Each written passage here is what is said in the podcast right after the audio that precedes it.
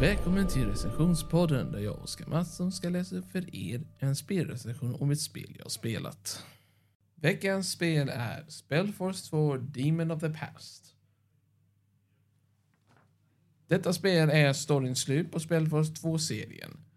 Den är också standalone, vilket betyder att den står på sina egna ben och behöver inte originalspelen. Men du kan använda sparfilen från de föregångna spelen för att få en perfekt storyutkomst. Eller liknande. Personligen så tycker jag att vi kan spela vilket som i vilken ordning. Men det är ert val. Jämfört med de andra spelen så är mycket detta inställt på att det är ett slut. Vilket får en att känna liksom, okej, okay, ett slut på vad? Jo, hela spelet har ett slut, inte en början eller en uppföljning. Det är bara ett slut. Vilket gör det sorgligt att säga det egentligen, men detta är, det skulle vara ett sista spel i Spelforce-serien för en lång tid, men eh, som ni vet, lyckat spel kan bli uppföljare i framtiden. En gång för länge sedan, innan Spelforce 1, så fanns det en folkgrupp som kallas för The Shapers. Dessa folkgrupp var skapade och utvecklare utav teknisk och ut teknologi och magiska kunnande. Innan människorna som finns i Spelforce-världen dök upp. Dessa skapare använde en speciell kraft eller magikälla vid namn Arcfire. Denna förmåga har funnits med i alla Spellforce-spelen.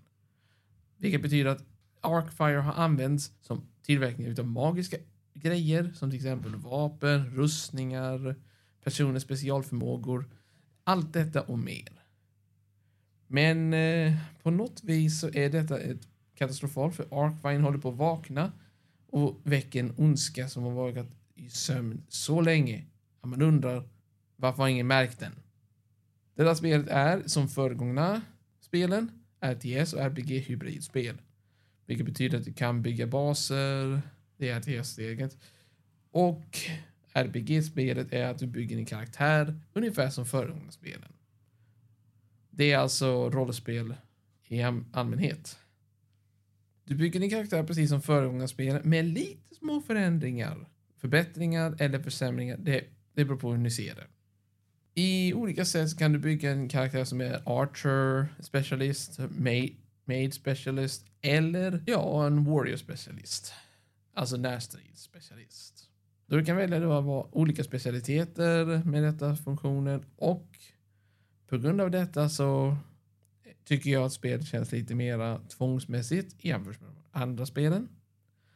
Men eh, för mig så tyckte jag att detta spel kändes mer som rushat och väldigt nedlåtande eftersom att alltihopa lämnas på fat och säger plocka så mycket du vill. På grund av denna orsaken skulle jag ge detta spelet en 5,5 av 10. Med kan man kalla spelet, men imponerande om du har spelat de andra föregående spelen, men med i allmänhet. För att vara en del av Spelforce-serien och vad som hänt egentligen i storyn så tycker jag att det spelet helt och hållet är ett bra slut. Men det är det som är problemet. Det slutar inte där. Som ni förstår. Ni kanske har hört talas om andra spel som har kommit med namnet Spellforce. Ja, sånt händer. När de försöker göra användning utav dött spel till att göra nya spel. Men hej, Spelforce 2 slutade här i alla fall med Demon of the Past, så eh, vad gör man? Jag hoppas alltså att, eh, för att vara en kort förklaring med detta spel, som jag inte spelat ut detta själv, helt ärligt, så önskar jag att eh, ni som vågar, orkar och vill spela detta spelet njuter av det som finns i spelet. På detta viset så hoppas jag att de som köper det eller har köpt det Få tillgång till att få ultimat utlopp utav spelet. Inte bara liksom tycker, ah, ja, jag ja, lägger på hyllan.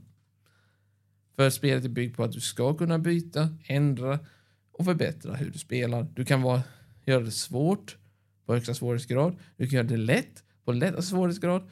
Det är bara hur du vill det ska bli. Spelet innehåller inga e-, expansioner eller DLCer i sig, vilket är en varningsklocka. Det vill säga, de planerade ingenting mer än denna spelet. Eller gjorde de?